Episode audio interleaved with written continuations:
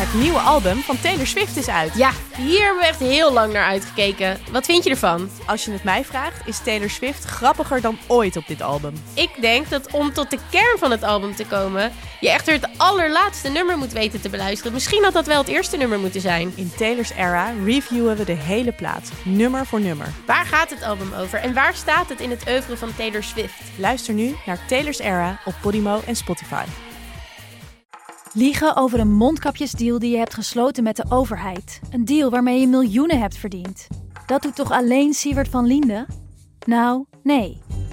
Ik ben Felicia Alberding en in de Mondkapjesmiljonairs duik ik met een team van correspondenten in andere schandalen. Want wist je dat Siewert helemaal niet uniek is? Luister de Mondkapjesmiljonairs in je Podimo-app. Of ga naar podimo.nl slash mondkapjes. En probeer Podimo 30 dagen. podimo.nl slash mondkapjes. Welkom bij Schaamteloos Randstedelijk. De podcast over alles dat je wel bent, maar niet wil zijn. Mijn naam is Doortje Smithuizen, tegenover mij zit Perre van der Brink... en zoals iedere week houden wij onze luisteraar een spiegel voor... en onderzoeken we de paradoxale relaties met de systemen om ons heen. Ja, en vandaag een aflevering over vriendschap. Want de vriendschap die lijkt steeds een eh, prominentere plek te krijgen in onze maatschappij. En we vragen ons af, hoe kan dat? En eh, we kijken natuurlijk ook naar onze eigen vriendschappen. Wat, wat voor vrienden zijn wij eigenlijk zelf? Welke rol spelen vriendschappen in onze levens? En, niet geheel onbelangrijk, hoe kun je vrienden maken nadat je 30 bent geworden? Nou, niet alleen nadat je 30 bent geworden, maar gewoon de rest van je leven. Überhaupt. Ja. maar voor we daar allemaal onderzoek naar gaan doen en dat allemaal gaan bespreken, eerst uiteraard de rubriek met actualiteiten.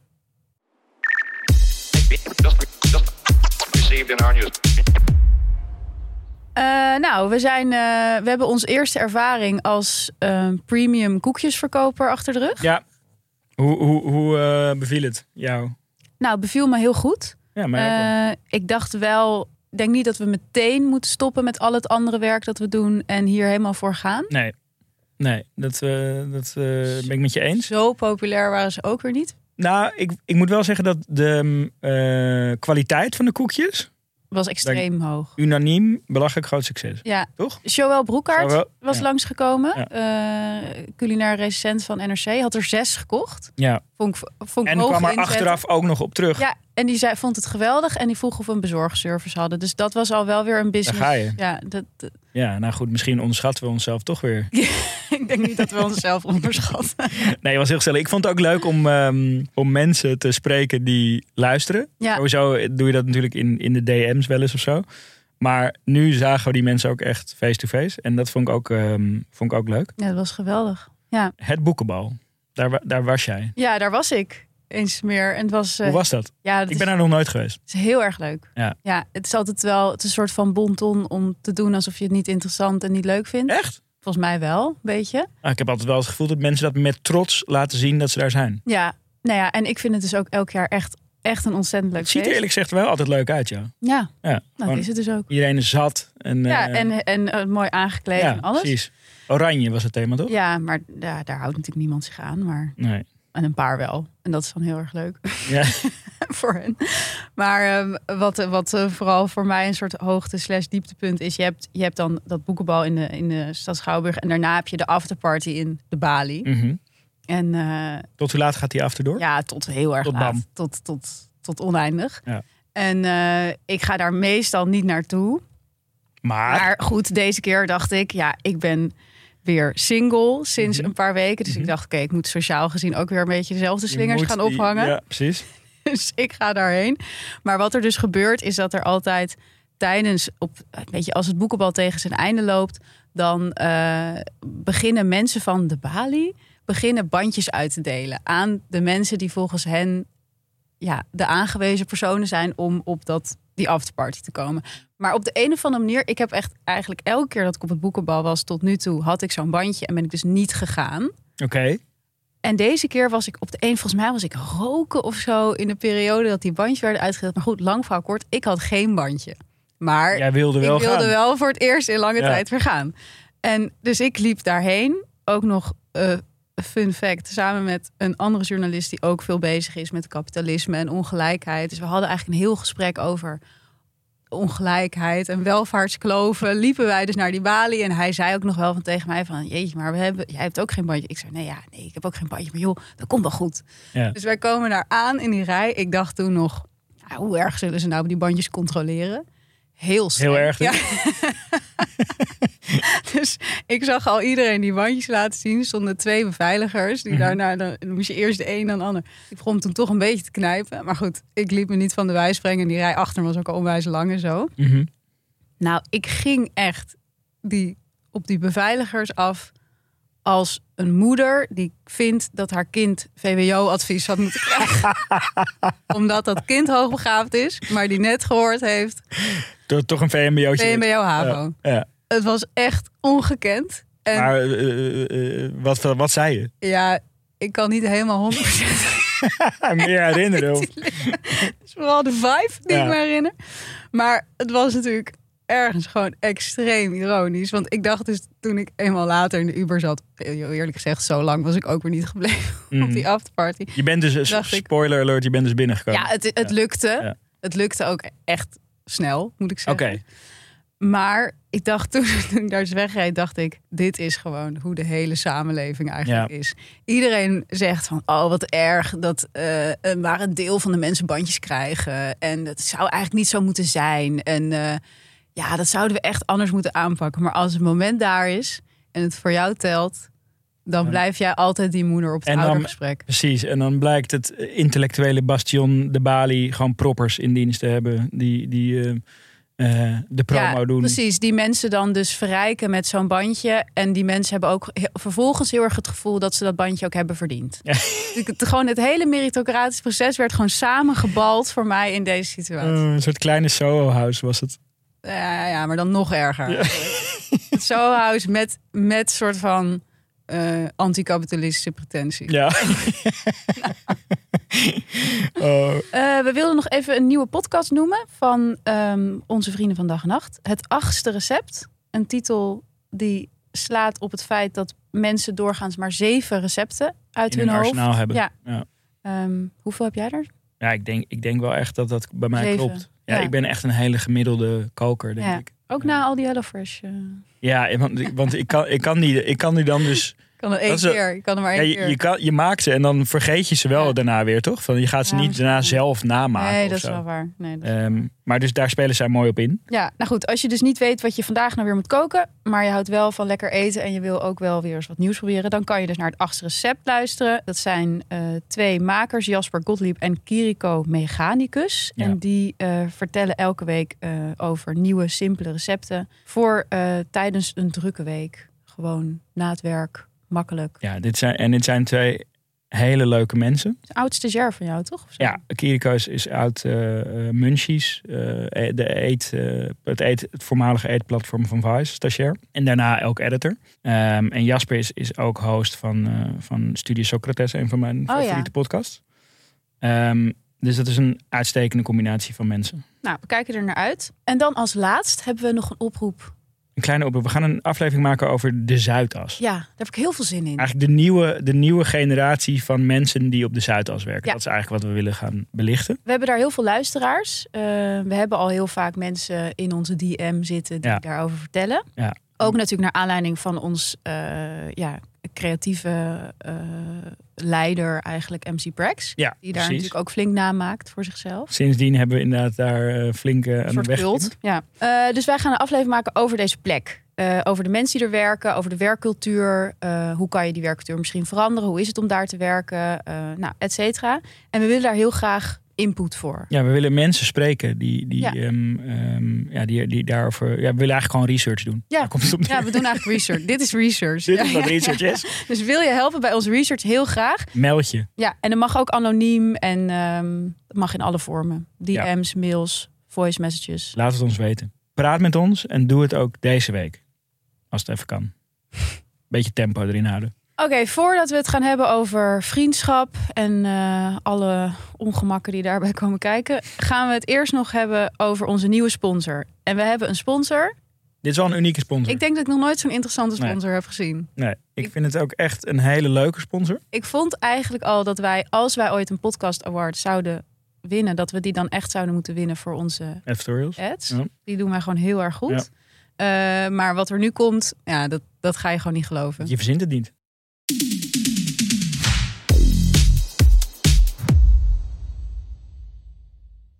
Lieve mensen, we hebben een nieuwe sponsor. En de nieuwe sponsor heet De Verdwaalde Jongens. En dat is een reisorganisatie. En zij organiseren hele specifieke reizen, namelijk avontuurlijke roadtrips door Kirgizië. Wil jij even helemaal ontsnappen aan alle randstedelijke ellende van de bubbel waar je in woont? Ben je even helemaal klaar met al die Van eh, met die havermelk? En ben je eigenlijk ook al helemaal klaar met Kaapstad of Mexico of Bali of al die andere plekken waar je dan heen gaat en waar je dan toch weer alleen maar eh, je buren en je kennissen tegenkomt? Dan zijn de verdwaalde jongens helemaal iets voor jou. Want zij sturen je naar eigen zeggen, maar ik geloof ze meteen in 's werelds meest sexy 4x4 over de avontuurlijkste wegen van Kirgizië. Met onderweg genoeg plekken met goedkope wodka en de allerfoutste karaokebars waar je je helemaal uit kan leven en een totaal nieuwe versie van jezelf kan ontdekken. Ja, mij lijkt het echt top. Ik ben een keer een paar keer in, in, in, in Rusland geweest. De avonturen die ik daar toen heb beleefd, dat was wel echt. Ja, dat waren, waren wel echt ehm, in mijn top 5 van reizen. Ik weet niet, op de een of andere manier gebeurden daar zulke lijpe dingen de hele tijd. Dus ik zie dit echt helemaal voor me. In een 4x4. Ja, In een sexy in de meest 4x4. sexy voor- voor- voor van de wereld. Van dat moment. En wij mogen jou ook een korting geven. Ehm, met de actiecode eh, schaamteloos Russisch koekblik. Ook alleen al die actiecode is, is ook- weer er zo interessant. Ja.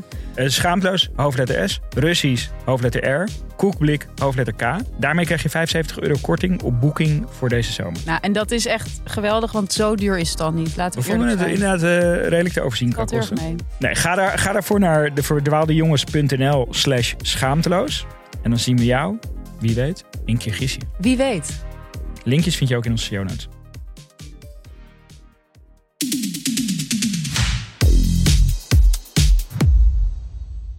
In onze 2023 Trend aflevering Mhm. maakte jij een eh, voorspelling. En ehm, ik denk dat het goed is als we daar heel eventjes naar gaan, gaan luisteren. Ja, graag. Het was echt zo'n tijd in de cultuurwereld, media, dat alles ging over rouw. Toch? Hoe moet je rouwen? Eh, wel- welke rol speelt rouw in onze samenleving? Mhm. Herwaarderen van rouw, et cetera. En ik heb dus de laatste tijd het idee dat dat nu vriendschap wordt. Ik zie super veel mensen boeken aankondigen voor komend jaar over vriendschap. Ja, Ehm, heel veel interviews ook de laatste tijd in kranten en zo. Van met bijzondere vrienden, duo's en zo. En wat Mhm. dat dan betekent. En ook, best wel accurate. Ja, ik denk dat Kunnen ik- wij eh, concluderen, eh, het is, het is, het is eh, half maart. Ja. Kunnen we concluderen dat jij dit nu al goed hebt voorspeld? ja, het is ongekend. Kijk, ik had natuurlijk wel al. Ik wist al dat ik Trendwatcher potentie had. Maar dat het zo snel zich zou inlossen, had ik niet verwacht. Nee, nee, dat begrijp ik. Want vriendschap, dat is echt overal nu. Je hebt natuurlijk dat Ja. hele populaire boek van Stephanie Hogeberg over ja, alle ongemakken die bij vriendschappen Mhm. komen kijken. Is ontzettend leuk, hele erg aanrader. Ehm, ik heb het zelf ook gelezen. Ik heb het nog niet gelezen. Het is een soort fictieboek, maar eigenlijk is het een non-fictieboek of zo, toch? Het is volgens mij wel echt een non-fictieboek. Het gaat gewoon helemaal over haar vriendschap en wat ze daarvan heeft geleerd. Maar het, het heeft ook wel iets, iets universeels. Ja. Dan komt eh Raunak Gadari, eh, journalist ook van Parool. Die komt binnenkort ook met een boek over vriendschap. Bij Bruna komt dat uit. Maar ook eh, internationaal. Je ziet in de Atlantic, wat ik Mhm. veel lees. Die hebben nu de Friendship Files, wat een soort van verzamel eh, platform is waar ze allemaal artikelen over vriendschap en dan vooral ook over inderdaad vriendschap sluiten na je dertigste en Ja. hoe ingewikkeld het is. Mannen die schijnbaar heel veel moeite hebben met eh, vriendschap, gaan we het later nog over hebben. New York Times het, eh, eh, heeft ook allerlei van dat soort platforms nu waarin ze informatie verzamelen over vriendschap. Het hangt in de lucht. Het is overal. Ja. Ja. het is overal. Dus ehm, nou, daarom gaan wij het er ook zoomen even ook over hebben. Ja. Want het is natuurlijk een grote vraag om waarom neemt vriendschap die steeds grotere plekken in in onze maatschappij. Mhm. Ik heb het idee dat we natuurlijk, we hadden ooit ook wel series als Friends en zo. Dat was dan misschien een beetje het begin van die vriendschap, dat vriendschapstijdperk. Mhm. Maar inmiddels is het wel echt steeds prominenter. En ja, ik denk dat daar meerdere redenen voor zijn. Maar ik denk dat een van de belangrijkste redenen toch wel is dat ehm, ja, de romantische relatie, het huwelijk, de liefdesrelatie, dat die eigenlijk steeds meer. eh, dat we dat steeds meer zien als iets wat van kortere duur is. En niet iets wat je hele leven misschien hoeft te duren. Ja, dus dat, dat de maatschappij minder gefixeerd is op het gezin als hoeksteen van de samenleving? Of eh, de liefdesrelatie? Als, ja, nou ja, hoeksteen? gewoon, zou maar zeggen, de, de heteronormatieve eh, relatie als het einddoel. Als het- uitgangspunt. Ja, in het leven. En dat we de- steeds meer zien van er zijn ook zoveel meer andere manieren om waardevolle relaties op te bouwen Mhm. en te onderhouden. Eh, nou ja, goed, je ziet dat natuurlijk ook dat steeds meer huwelijken uit elkaar gaan. Dus dan hebben mensen automatisch meer behoefte aan Ja. andere vormen. En ook huwelijken later gesloten worden. Want Ook. eh, dat, zei, dat zei Timo, eh daar had ik eigenlijk zelf nog niet over nagedacht. Van als je veel later inderdaad pas je commit aan een liefdesrelatie, dan heb je ook veel langer de tijd om, om, om vrienden te maken. Voordat Nee. je daarin gaat. Ja, precies. En je ziet dan ook hoe, hoe die vriendschappen ook steeds weer al die relaties overleven. Ik bedoel, ik merk dat nu zelf Mhm. ook. Dat ik denk, jeetje, bij mijn vorige, het einde van mijn vorige relatie zat ik bij dezelfde vrienden aan tafel. Ja. Weet je wel? Je ziet hoe, hoe die vriendschappen eigenlijk vaak veel duurzamer blijken dan, Ja. je, eh, dan je relatie. Slimmere investeringen. Ja, het rendeert meer. Ja. Nou goed, en verder zijn er de afgelopen tijd ook heel veel onderzoeken geweest waaruit blijkt dat vriendschap heel gezond is. Dat je eigenlijk een langer en gezonder leven leidt als je veel goede vrienden hebt. Ja. Eh, nou, er zijn allerlei studies van. Dus dat eh, mensen met een, een, een grotere cirkel van goede vrienden, dat die eh 22% minder kans hebben om vroegtijdig te overlijden. Bijvoorbeeld als een groot Australisch onderzoek. En wat ik dan ook nog interessant vond om te lezen, dat las ik in ehm, de New York Times. Is dat, eh, nou, we hebben natuurlijk nou, heel veel over eh, ongelijkheid en ook hoe moeilijk het is om sociaal en economisch te stijgen Mhm. in de huidige samenleving. En er is dus onderzoek gedaan dat ehm, eigenlijk vriendschap een hele, eigenlijk een van de laatst overgebleven goede manieren is om sociaal te stijgen. En dat was natuurlijk vroeger kwamen mensen van verschillende sociale klassen elkaar steeds meer tegen. En dat wordt gewoon steeds minder in, in, in deze tijd. Maar voor kinderen is het dus heel goed om eh, hè, op school of misschien bij een opvang of anders op de middelbare school of misschien wel tijdens eh, je, je HBO of je studie, om daar met mensen om te gaan die eh, ja, uit een andere sociaal-economische klasse eh, komen. En je zag dus in dat onderzoek wat zij lieten zien dat eh, ja, mensen die bijvoorbeeld, die kinderen die vertelden elkaar dan bijvoorbeeld, of de ouders van die kinderen vertelden hen, Mhm. hoe je bijvoorbeeld een goede SAT-score kan halen. Weet je wel? Terwijl dat misschien voor andere kinderen heel, heel, heel moeilijk is of die informatie helemaal niet beschikbaar is. Dus zij zagen echt dat kinderen die zeg maar mengden met andere sociaal-economische klassen, dat de kans voor hen groter was dat zij later ook bijvoorbeeld toegelaten zouden worden tot een universiteit of zo. Mhm. Ja, het is natuurlijk een hele. ja, het klinkt logisch ook. Het is een beetje een berekenende reden om vrienden te maken. Maar ik vond het wel interessant. Ja, ja, als, ik, als ik zelf terugdenk aan mijn twintig jaren, dan was dat ook wel eh, achteraf gezien waar ik ook heel erg mee bezig was. Misschien niet bewust, maar wel dat je gewoon de hele tijd het als één groot soort netwerkbijeenkomst Ja? zag. Ja. Hoe ging dat dan? Eh, nou, dus, dus niet per se bewust, maar wel heel erg gefocust op nieuwe contacten. Mhm. Eh, versus dat ik nu juist gefocust ben op bestaande contacten. Oude. kon- Ja, nou, Oude. op, op gewoon nee, ik meer verdieping met, met, met wat ik al Ja. heb. Terwijl ik toen heel erg het net breed aan het uitgooien was. Omdat ik ja, tegelijkertijd gewoon veel meer, veel meer uitging en, en veel, veel aanweziger was. Maar dus ook heel erg met mijn carrière bezig was. Ja. Ja, dat, er- dat, dus ook ja, gewoon echt netwerken eigenlijk. Gewoon. Maar dan zonder dat je dat echt zo heel bewust doet. Ik had dat echt helemaal niet. Nee? Nee, echt totaal niet. Misschien komt het ook omdat ik ben heel vroeg begonnen met werken. Dus ik heb... Ik denk dat dat best wel een groot verschil Ja. is. Want ik ging natuurlijk gewoon van de middelbare school studeren. Ja. En daar kende ik ook gewoon Nee, best precies. wel wat mensen uit de stad. En dat zijn ook wel allemaal hele goede vrienden, nog steeds. Maar ik was niet heel bewust bezig met, oh, ik, ik, ik moet nieuwe mensen leren kennen. Sterker nog, ik heb best wel vaak gedacht, eigenlijk had ik gewoon in een andere stad moeten gaan studeren. Of in een ander land. Want dan had ik eh, Ja. gewoon sociaal gezien wat meer, eh, wat meer geëxperimenteerd. Of Ja, ik denk dat, ik, dat, dat het voor mij dan zo was dat ik ehm, eigenlijk van waar ik ben opgegroeid... wel dus de hele tijd naar een nieuwe wereld ben gegaan. Dus eerst ging ik in de wereld van de elektronische muziek... waar ik gewoon niemand kende.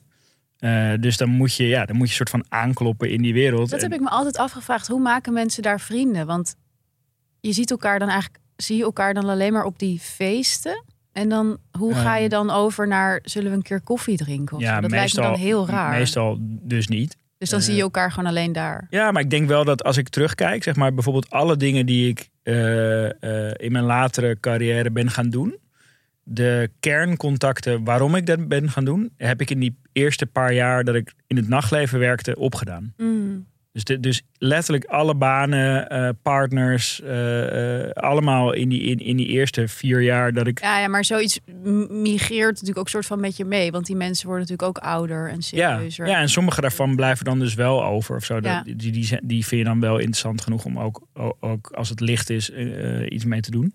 Als het licht is. ja, en, en heel veel niet. ja. Maar ik, be, ik, ik begrijp dus, ik voel wel deze soort van sociale mobiliteit. Maar heb je dan niet dat je een soort intentioneel gevoel krijgt bij de- vrienden? Achteraf wel. Ja, want achteraf dat lijkt mij heel Nu vreemd. denk ik wel van, oeh, ja, als ik nu mezelf zou zien toen, van, oh ja, dat is ook wel eh, try hard of zo. Ja, Ehm, maar toen helemaal niet. Ik, ik, ja, toen was ik ook altijd zat. Dus, de, de, dus dan had ik het ook niet echt door dat ik dat aan het doen was. ja.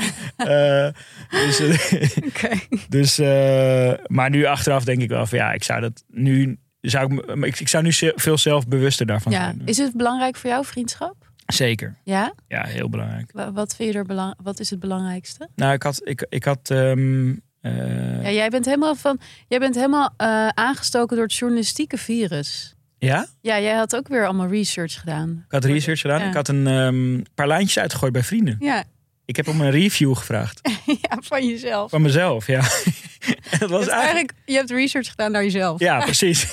Hey, maar wat vinden jullie eigenlijk van mij? Dat is eigenlijk wat je hebt gedaan. Nee, ik, ik, ik zei het ook tegen een vriend van... eh, we zijn een aflevering over vriendschap aan het maken. En, en, toen, en toen, was toen viel hij me in de reden, zei hij... Ik denk dat het antwoord nee is. Want hij dacht dat ik ging vragen of, hij te gast wilde zijn. Toen zei ik, nee, nee, nee, ik bel over mij. Toen was hij heel gerustgesteld. Ja, dus dus toen, wat, ik, wat ik heb gevraagd is van... Wat zou je Oh, zeg leuke vriend die meteen nee zegt. Ja. Gezellig. Ja, toch? Ja, Nou, gewoon ook zonder dat je het vraagt. eh, Ja. Maar dan weet je dat je goede vrienden bent. Maar in ieder geval, de vraag was: review mij als vriend. Weet je, Ja. wat, wat, voor, wat voor vriend ehm, eh, ben ik? Ehm, en eigenlijk wa- wa- was het. Ik vond het best wel spannend om, om te vragen aan mensen. Want ja, er kan ook gewoon ineens allemaal zo opgekorrupte frustratie kan Ja. uitkomen of zo. Dat je gewoon meteen... Die vriendschap is gewoon ja, voorbij. van shit, na dat weet je. gesprek, Van, ja. ik, ik, ik, ik lever Dat niet zou in het boek van Stephanie Hogeberg gebeuren. dat het meteen dat wordt het meteen uit is. Ja. Maar ik moet zeggen, de, de, de reviews waren best wel eh, positief. Ja? Eh, ja, ja ik, eh, ehm, ben, je, ben je benieuwd naar wat ze ik ben zeiden? heel benieuwd. ik, denk dat de ik denk dat de luisteraar ook heel benieuwd is. Ja, oké. ik zal een paar, eh, paar eh, dingen eruit halen. Trouw, Oké, kritisch, oké, behulpzaam, ehm, hard, oké. een ne- negatief puntje. Niet veroordelend. Dat is heel belangrijk. Ja, dat vond ik, eh, vond, ik- was ik heel blij mee met, met die. En gezellig, zie ik staan. Gezellig, Nou. ja, ja, ja, ook goeie. Ehm, goed voor een discussie zonder oordeel. Maar ik vond Heeft, het, heeft niet veel tijd. want jij zei eigenlijk van tevoren van ik had nog nooit zo'n gesprek gehad met mijn vrienden, toch? Nee. Dat zei je. Ja, dus ik vond, het, ik vond het dit best wel spannend om te vragen. Ja. Omdat ik inderdaad niet... Dat, dit is niet het gemiddelde gesprek wat ik, eh, wat ik heb met mijn Ja. vrienden. Uiteraard, maar daar had ik helemaal niet op gerekend. Vroeg zij dit... ook- Zo, ja, nou, nou ik het gedaan heb, van wat vind jij eigenlijk? Ja. Daar werd ik ook een beetje door je, overrompeld. oh, sorry, geen tijd meer. Ja, nee, sorry, nu ophangen. Mijn kinderen zijn... Cool. Ja. Nee, dus heb ik het ook teruggedaan. Toen- Het was heel... Het waren Ja. een soort kort gesprek, maar wel heel vet of zo. En inderdaad, eh, ja, toen ik dit vertelde aan jou, zei je van... Nou, dit is toch heel normaal dat je dat... dat Nou ja, ik want jij zei echt, jij, jij, jij poneerde dit echt als een soort van, jongens, ik ga dit doen. Ik ga dus deze vraag stellen aan mijn vrienden. En ik dacht echt, ja, ik kan dat wel doen, maar ik weet toch al wat al mijn vrienden gaan zeggen, omdat eigenlijk mijn vriendschappen, ehm, daarin is dat gewoon veel normaler. Ik heb eigenlijk heel vaak met mijn vrienden, met mijn goede, tuurlijk niet, met, maar zeg maar met mijn beste vrienden, Mhm. heb ik heel vaak dit soort gesprekken waarin we echt uitspreken naar elkaar wat, wat we aan elkaar hebben, wat we fijn vinden aan elkaar, Ja. wat we, en ook wat er beter kan. Ik heb bijvoorbeeld een van mijn beste vriendinnen, die heeft mij op een gegeven moment gebeld eh, om te zeggen dat ze vond dat ze in een periode die op dat moment al nou twee jaar of zo voorbij was, Mhm. ze zei: ik vind dat ik daar dat ik in die periode er niet genoeg voor jou ben geweest. En daar voel ik me nog steeds kut over. En toen ze belde, dacht ik, toen zei ik ook van, nou, weet je, wat, dat maakt me eigenlijk niet zo echt niet zoveel uit. Mhm. Maar ik merkte dat onze vriendschap daarna echt nog zoveel beter werd, Ja. omdat ik blijkbaar toch onbewust dacht, hé, hey, eh, come on, eh, waarom was je er toen niet of minder? Maar ja, dus het, je was er ook stiekem wel mee nou, eens. doordat zij dat zei, besefte ik dat ik Ja. dat eigenlijk wel had ervaren. En dat is voor mij in een. Ja, en ik, ik, ik ben echt niet echt heel erg voor dit soort generalisaties. Maar goed, ik denk wel dat het ook een verschil is tussen eh, vriendschappen tussen mannen en vriendschappen tussen Ja, vrouwen. zou ik- kunnen. Ik heb het ook aan mijn vriendin gevraagd van wat zoek jij zeg Ja. vriendschap. En toen zij, zij dacht echt een soort 0,1 seconde na zij verbinding en dat je de ander ziet. Ehm, dat vond zij eh, het belangrijkste. Ja. Ik ben er zelf ook over, over, over gaan nadenken van wat, wat, wat wil ik dan in, in een vriendschap of zo. Weet je. Dus voor mij is het toch wel ja, een soort loyaliteit is wel de, de kern Mhm. van een vriendschap. Hè, Ik heb al eerder een keer een pleidooi voor de vriendschap zonder verwachting gemaakt. Later dacht ik daarover na, dacht ik van ja, is dat ook omdat ik dan zelf niet genoeg lever of zo, omdat ik niet Ja. genoeg tijd heb of dat, dat ik me daarmee permitteer dat ik, dat, dat ik het niet goed onderhoud of zo. Ja, Maar eigenlijk de, de vriendschap zonder verwachting bestaat uit één kernverwachting en dat is dat als, je, als het moet, dat je er Ja. wel bent, zeg maar. nee, dat, daar ben ik dus helemaal mee eens. Want dat is natuurlijk wat, wat ik nu de afgelopen tijd heb gemerkt. Ik ben daar, ik, ik ben ook helemaal voor de vriendschap zonder verwachting. In de zin van je mag altijd een afspraak afzeggen. Ja, En eh, weet je, ook als je niet kan komen op mijn verjaardag, is het helemaal prima. Ja. En we zien het allemaal wel. Maar ik vind wel, en daar ben ik elke keer weer eigenlijk gewoon zo door ontroerd. Mhm. Dat op het moment dat je je echt, dat je, echt je vrienden even nodig hebt. ehm, zelfs in de, in de tijd waarin alles in Google Calendar is en eh, elke afspraak extreem belangrijk en niemand ooit kan, Mhm. dat er dan toch echt mensen om je heen zijn die zeggen: Ik laat alles vallen. Ja. Ik laat alles vallen. Ik heb, ik heb nu, nu zojuist mijn hele week afgezet. Ja. En, en, en ook dat ik weet dat ik dat zelf ook zou doen. Ja. Ja, om niet al te sentimenteel te worden. Maar dan, dat voelt dan toch wel echt als een soort gevoel van menselijkheid. In een tijd waarin ik vind dat we dat heel vaak niet zo voelen. Ja. Dat je toch vaak denkt: Jezus, ben ik, ben ik eigenlijk een robot of, of ben ik een mens? en dat ik nu toch wel weer na de afgelopen tijd kan zeggen: Nou ja, nee, we zijn wel echt mensen. ja. En ik, ik er, heb het idee dat dat gevoel op de een of andere manier misschien nog wel meer tot uiting komt in vriendschap dan in romantische relaties. Ja. Omdat in romantische relaties op de een of andere manier toch ook altijd iets transactioneels zit of zo. Want wa- wat is het transactionele wat je, wat je bedoelt? Nou ja, ik denk dat, dat, we sowieso, dat het sowieso veel normaler is om op deze manier over romantische relaties te praten. Hè. Ik bedoel, we gaan helemaal gek op de relatietherapie en we zijn constant bezig met wat verwachten we er eigenlijk van. Mhm. En, maar we vergeten natuurlijk ook dat dat nog steeds heel erg de norm is. Het is heel erg de norm om als hetero persoon zeg maar een stel te vormen met een ander hetero Ja. persoon. En daarom is het ook heel normaal dat we daar met z'n allen mee bezig zijn en dat we met z'n allen kijken van eh, ja, Esther Perel zegt dat je niet te veel moet, weet je wel. Ja. Terwijl vriendschappen is veel meer iets wat, ehm, ja, wat je zelf een beetje moet uitvogelen. Ja, nee, dus in, in het.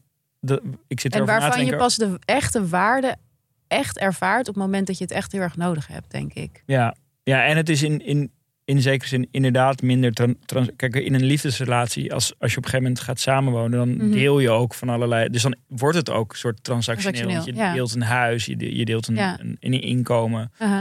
je deelt zorg over kinderen als je, als je, als je kinderen hebt.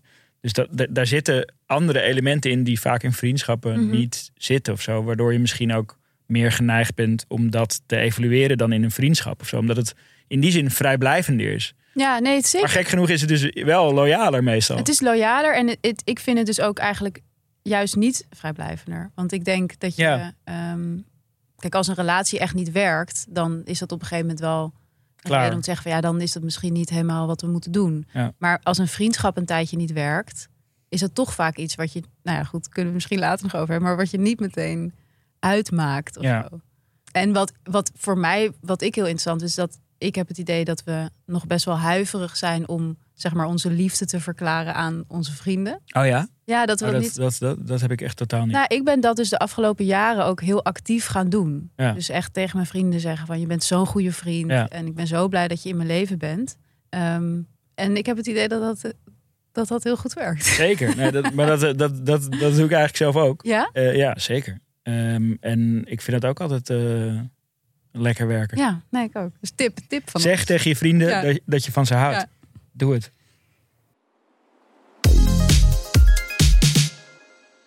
Oké, vriendschap is dus heel belangrijk, dat is duidelijk. Maar ondertussen lijken we ook in een soort, ja, soort vriendschapscrisis te zitten. in een soort eenzaamheidscrisis. Mhm. Ehm, allerlei cijfers zijn er natuurlijk van. Hè, het aantal mensen in Nederland dat zich eenzaam voelt, is echt enorm. Dat is 47 procent. ja. Terwijl het in 2016 nog 43 procent was. En onder jongeren stijgt het echt enorm hard. Van 39 procent naar 46 procent. Ja. Lijkt me ook een hele belangrijke reden waarom die vriendschappen steeds meer op de agenda staan. Omdat we er gewoon veel meer behoefte aan hebben. Ja. En eh, in Amerika heeft de overheid ook onderzoek gedaan naar ehm, ja, hoe jongeren hun vriendschap ervaren. Of millennials in dat geval. Mhm. En daar zei in 2019 22% van de millennials dat ze geen vrienden hadden.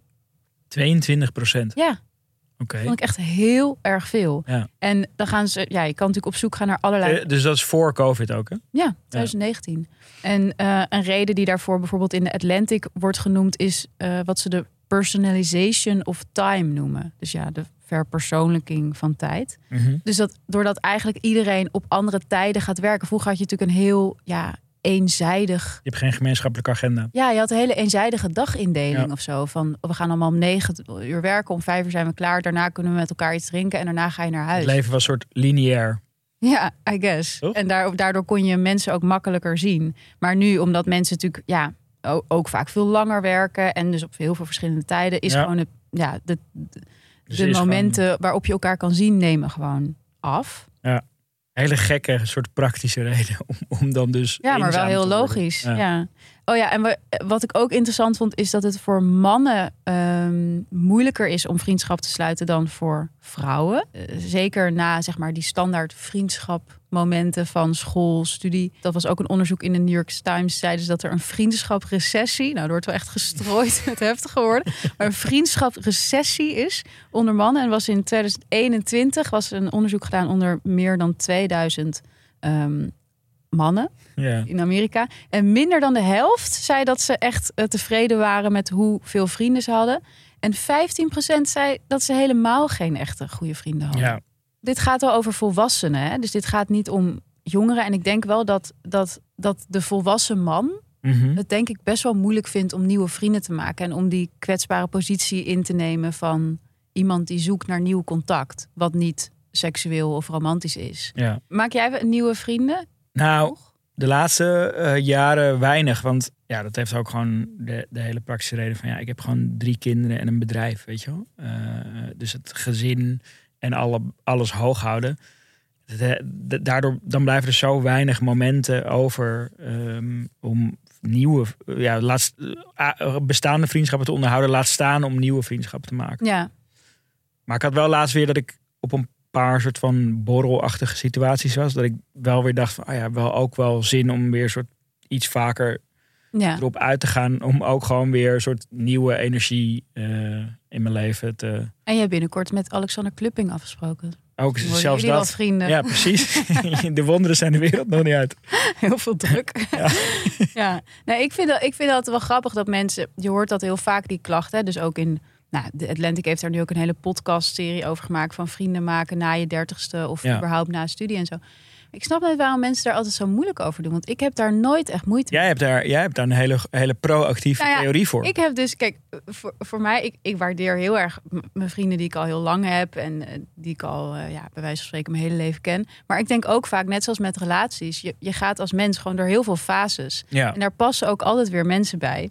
Eh, dus hiervoor hadden we, het, hadden we het er eigenlijk over, ja, hoe doe je dat dan? Mhm. Nieuwe vrienden maken. Maar ik heb best wel vaak in mijn leven gewoon tegen iemand gezegd, het lijkt mij heel leuk om bevriend Ja, te worden met echt jou. Ik vond dit echt een eye-opener. Nou ja, het is gewoon, als je dat bij iemand voelt, waarom zou je het dan niet Echt? zeggen? Extreem gezellig als iemand dat tegen je Het is eh, toch zegt. alleen maar leuk om te horen. En in het ergste geval zegt iemand... Ja, ik heb al genoeg vrienden. Ja. En dan is het zo oké. Dat Ik vind dat Ik idee... kan me niet voorstellen dat dat gebeurt als je dat zegt. Nou ja, weet ik veel. Alles kan. Het is toch zo'n zo'n harde neersabeling. Jij zou dat misschien zeggen. Oh, wat kan jouw vriend, sorry, geen tijd. vriend Ja, cv... hard. maar... Nee, maar ik denk, eh, weet je, dat, dat, zit, dat is dan heel raar. Dat we eigenlijk met die romantische relatie, dat hebben we eigenlijk helemaal een soort van logistiek geperfectioneerd. Van daar zijn apps voor en er is een soort hele ehm, voorspelbare manier van iemand op een date vragen of zo. Waarom zou je dat niet met vrienden Ja, doen? ja, maar, daar, maar bij de romantische relatie heb je wel ook het moment om te benoemen dat het een liefdesrelatie is, wordt wel altijd vrij ha- hard uitgesteld, toch? Eh, je geeft het niet meteen een naam. Nee, met vrienden is het eigenlijk wel, dat is dan wel meteen meer een ding. Ja, precies. Dat, dat, Dan ben je wel meteen bevriend. ja, die commitment zou je eerder... Je voelt wel eerder of dat gaat werken of Ja. zo, denk ik. Ja, misschien. Ja, god. Maar ik vond dit echt... Een, ik had er echt letterlijk nog nooit... En, en toen dacht ik van ja, misschien klopt dat wel met die, met die, met die mannen eh, vriendschappen. Want ik zou dit echt nooit doen. Ik, ik wou, zou wel van luisteraars willen horen of zij dit zouden doen. En misschien ben ik gewoon de enige die dit doet. Dat zou ook kunnen. Maar ik vond het in ieder geval een ontwapenende ehm, houding. Ontwapenend is het sowieso. Ja. Ehm, nou, en voor wie dat niet durft, zijn er natuurlijk ook steeds meer apps om vrienden te maken. Ehm, ik vond het heel grappig dat ik zat hier op te googlen en ik, ik kan soms hebben dat ik denk, volgens mij, ik ken dit onderwerp. Waar ken ik het nou van? En dit is de grote aflevering waarin ik mezelf in de markt zet als trendsetter of als trendwatcher. Want ja, wie schreef er in 2016 al een artikel over vriendschapsapps? Doortje Smithuizen. Me. Ja. ja. Wat schreef je er toen over? Ja, weet ik veel. Oh, je hebt het niet dat gelezen. het er ook. was of zo, dat het er is. Maar goed, inmiddels, toen was dat echt nog heel nieuw. Eh, inmiddels is het echt wel, eh, hebben eigenlijk bijna alle dating apps hebben ook een vriendenafdeling. Ook heel specifiek voor vrouwen zijn er, eh, zeg maar, vriendinnen apps. Dus dat, ja, blijkbaar is dat dus een enorme behoefte. Ja. Maar ik, en ik vond het heel grappig dat dus van die clubs als Soho House ook heel erg inzetten op vrienden maken. Ja, maar daar is, de, daar, daar is de vriendschap natuurlijk wel... Dus dit is een beetje zeg maar waar we het is net over... jouw, jouw vriendenhemel. Nee, die, die, die, die 20s transactionele netwerkbijeenkomst, dat, dat, dat doet de Soho House natuurlijk. Dus je, je Ja. hebt zo'n app en dan kom je binnen daar en dan krijg je direct een soort push notificatie wie er allemaal in de Soho House op dat Ja. moment zijn. Heb jij Eh, ooit op die manier een vriend gemaakt? nee. Of met iemand mm, verbonden? Nee, nee, ik heb wel van die connectieverzoeken in die app. Maar dan. Die laat je altijd op unread. Nee, nee ik, ik acce- accepteer ze dan ook Oh, gewoon. ja. Maar het is niet dat er dan een soort.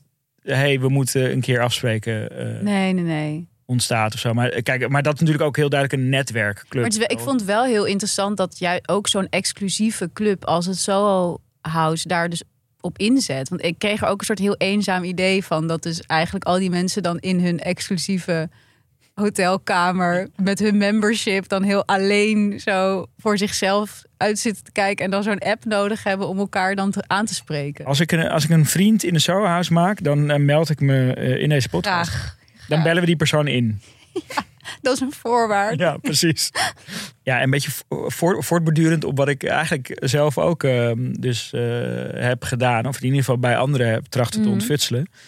Eh, heb je dus nu een fenomeen dat friendsemaze heet. Mhm. Eh, ja, dus het- de naam zegt het al een beetje. Dus me- mensen die cv's van zichzelf maken op zoek naar is nieuwe een trend vrienden. in Amerika, toch? Ja, er was dus een meisje, een, fo- een fotograaf. Ehm, sowieso fascinerend aan dit fenomeen dat het ontstond in Facebook groepen. Dus Ja. ik dacht van oké, een 23-jarig persoon heeft dit bedacht in een Facebook groep. Toen dacht ik van, ah ja, misschien is dat ook de reden dat ze geen vrienden had. Zeg maar, wie zit er nog op Facebook, toch? Jij bent echt een leuke vriend. Eh, maar ja, zij postte dat in ieder geval in de Facebookgroep Ja. Truly Twenties. en eh, zij maakte een lijstje van haar favoriete tv-shows, films, eten. eh, Maar met een soort, als een soort van contactadvertentie Ja. voor zichzelf. Ja. Ja, ik vind dat echt heel schattig. Nee, ik vond het ook cute. Maar ik dacht, ik was wel verwonderd dat Het ze dan. voelt gewoon als die enige 21er die nog op Facebook zit op zoek Ja. naar vrienden. Ja, maar dat, ik bedoel, ik, ik, ik slachtte het misschien net meteen, maar ik, ik vond het ook heel lief en Ja. cute. Maar denk je dat dit, dat dit een soort trend wordt? Dat mensen dit gaan doen? Want ik vond Ja, wel eigenlijk- het idee... Kijk, het, het, het, het is wel heel erg in lijn, denk ik, met hoe we überhaupt naar relaties kijken. Dus dat, dat we eigenlijk heel erg eh, het zien als eh, dingen waar we ook heel veel van verwachten. Dus je- gaat een relatie in met het idee van... nou, ik ben zo en zo en zo, jij bent zo en zo. En dat moet dan matchen. En we moeten dezelfde interesses hebben en raakvlakken, weet je. En dat soort dingen. En zo voelt het een beetje alsof we dan nu ook op die manier naar vriendschappen gaan kijken. Ja, dat het, maar ook dat het heel snel moet kloppen. Zeg Ja. maar. dus, dus dat het, het mag niet Het ontstaan. moet meteen premium Ja. zijn, anders is het niet goed. Ja, maar dit is natuurlijk überhaupt wel ook de manier hoe social media zijn ontstaan, toch? Van, Ja, Het was altijd al een profiel waar je kon laten zien wie jij was. ja waar. Eh, dus eigenlijk is het, is, het, ja, is het misschien wel terug naar de roots van social media. Namelijk dat je gewoon laat zien, ik hou van deze dingen. Dit is mijn smaak. Kijk mij leuk zijn. Connect maar me. tegelijkertijd lijkt echt niks me saaier dan vrienden die in alles dezelfde smaak hebben als ik. Ja. Ja, Dat heb lijkt je- me eigenlijk ja, echt een hel. Ja, mij ook eigenlijk. Lijkt me, lijkt me, lijkt me, Het is toch juist moet wel leuk een beetje raakvlak dat, je hebben. vrienden, dat jouw vrienden wel op zo'n eh, vakantie naar Kirgizië gaan. En dat jij dan zegt, nou veel plezier, laat me weten hoe het was. Gebruik mijn kortingscode. Ja, ik vind dat Doe er je leuk. voordeel mee. Ik vind dat leuk. Burn. Maar wat wel ook grappig was ehm, aan dit ehm, gegeven, was dat, ze, dus dat er niet zo heel veel was uitgekomen. Oh, dat een vind ik paar berichten heel gehad. zielig. Ja, een paar berichten gehad, een paar nieuwe volgers. Eh, maar ze zag het niet als een, als een eh, waste of time. Eh, want het was eigenlijk een, een, in retrospect was voor haar een soort aanleiding om haar waarde opnieuw te bepalen. En dat herken ik wel toen, toen ik dus mijn vrienden vroeg van wat, wat voor vriend ben ik? Mhm. En daarna dus ging denken van oké, komt dat overeen met wat ik wil in vriendschap of zo? Dat het ook een mooie aanleiding was om daarover na te denken. Ja, maar en jij had wel het idee dat dit soort dingen wel aansloegen, toch? Want jij had ook iets over dat mensen dan voorafgaand aan een etentje gingen ze al bepalen. Dat was ook een trend die jij had Ja, dit, was, dit was meer iets waar, waar ik schrok van mezelf. Wat dan? Ja, ik, weet, ik weet even niet meer waar ik dit precies zag, maar volgens mij op Twitter of zo. Mhm. Maar iemand had een ehm, eh, screenshot gedeeld van een diner. Ja, die, iemand had een agenda gemaakt Ja, voor een diner met vrienden. ja. Met iets van vijf punten. En het laatste punt was dan wel van whatever daarna nog gezellig Mhm. is. Maar er stonden in ieder geval vier punten op die gewoon besproken moesten worden. Maar dus van, hoe was de vakantie? Wat ja, het waren wel stemmen? iets minder, eh, saai- eh, iets minder soort iets diepere onderwerpen of zo. Maar ik zag dat en ik dacht, zeg maar, ik had een soort gekke mix van dat ik het heel treurig en walgelijk vond. Ja, maar jij wil dit heel graag. Maar ik dacht ook wel van, nou, Ja. nou, waarom eigenlijk ook niet? Gewoon, weet Ja. je, van best wel een goed idee eigenlijk. Ja. Maar ik schrok wel echt van mezelf dat ik dat, dat ik daar was. Ja, zou jij dit, zou jij dit, zou jij dit doen? Nee, maar Nee, maar ik ben niet jou, wou je zeggen. zeg het dan. nee, ik wil genoeg kwetsbare dingen gezegd in deze podcast. Oké, concluderend. ehm, heel goed dat vriendschap nu zo hoog op de agenda staat. Zeker. Terecht. Zeker. En voor mij persoonlijk, als ik. Nou, dus, dus mijn les bij, ook bij het voorbereiden van deze aflevering. Dat ik het echt vet vond om, om dus eh, in die vriendschap te gaan. En een soort van uit te zoomen. En oké, wat verwacht ik van die ander? Ja. En wat lever ik ook aan hun? ja, je leert gewoon heel veel over jezelf als mens door je vrienden. Ja, en, en, en door, door het dus eigenlijk als een soort van review. Ja, behandel het als een relatie. Mhm. dus, dus, dus, dus review het ook. En spreek je uit als er iets niet goed zit of zo. Ja, Ehm, ik vind het ja. wel grappig dat je zegt, nee, dat zegt review. Dat klinkt echt alsof je elkaar sterren geeft op Yelp of zo. Ja, ja, ja, maar bepaalde dingen. Ja, precies. Dit is, Ja. dit is, dit is, dit is weer de, de, eh, het werkpaard in Is mij. dat ook hoe je dat met Dido doet? Of je elkaar dan ook de hele tijd sterren. Eh, en eh, wees niet bang om vrienden te maken na je dertigste. Of, of na zeg maar de natuurlijke vriendschapsmaakmomenten. Ja, dus, dus nou, of in, jouw geval, dus de, de, ja, natuurlijk, maar dat jij het gewoon zegt, dat vond ik wel ook echt de eye-opener van. Ja, het is altijd leuk om te horen. Ja, dus zeg gewoon dat iemand het waard is om vrienden mee te zijn. Ja, Toch? mooi. En aan het 23-jarige meisje eh, in de Facebookgroep excuus voor mijn eh botte. Ik vind eigenlijk dat jij nu vrienden moet worden met haar. Zo, ja, Dat lijkt mij nou echt leuk. ja, ze, had wel, ze was fotograaf, ze, had, ze klonk- ze klonk interessant. Super veel raakvlakken. Ja. Echt heel leuk. Dit was Schaamteloos Randstedelijk voor deze week. De podcast over alles wat je wel bent, maar niet wil zijn. Wil je op de hoogte blijven? Abonneer je dan vooral op onze podcast in je favoriete podcast-app. En volg ons op Instagram natuurlijk, Schaamteloos Randstedelijk. Tot volgende week.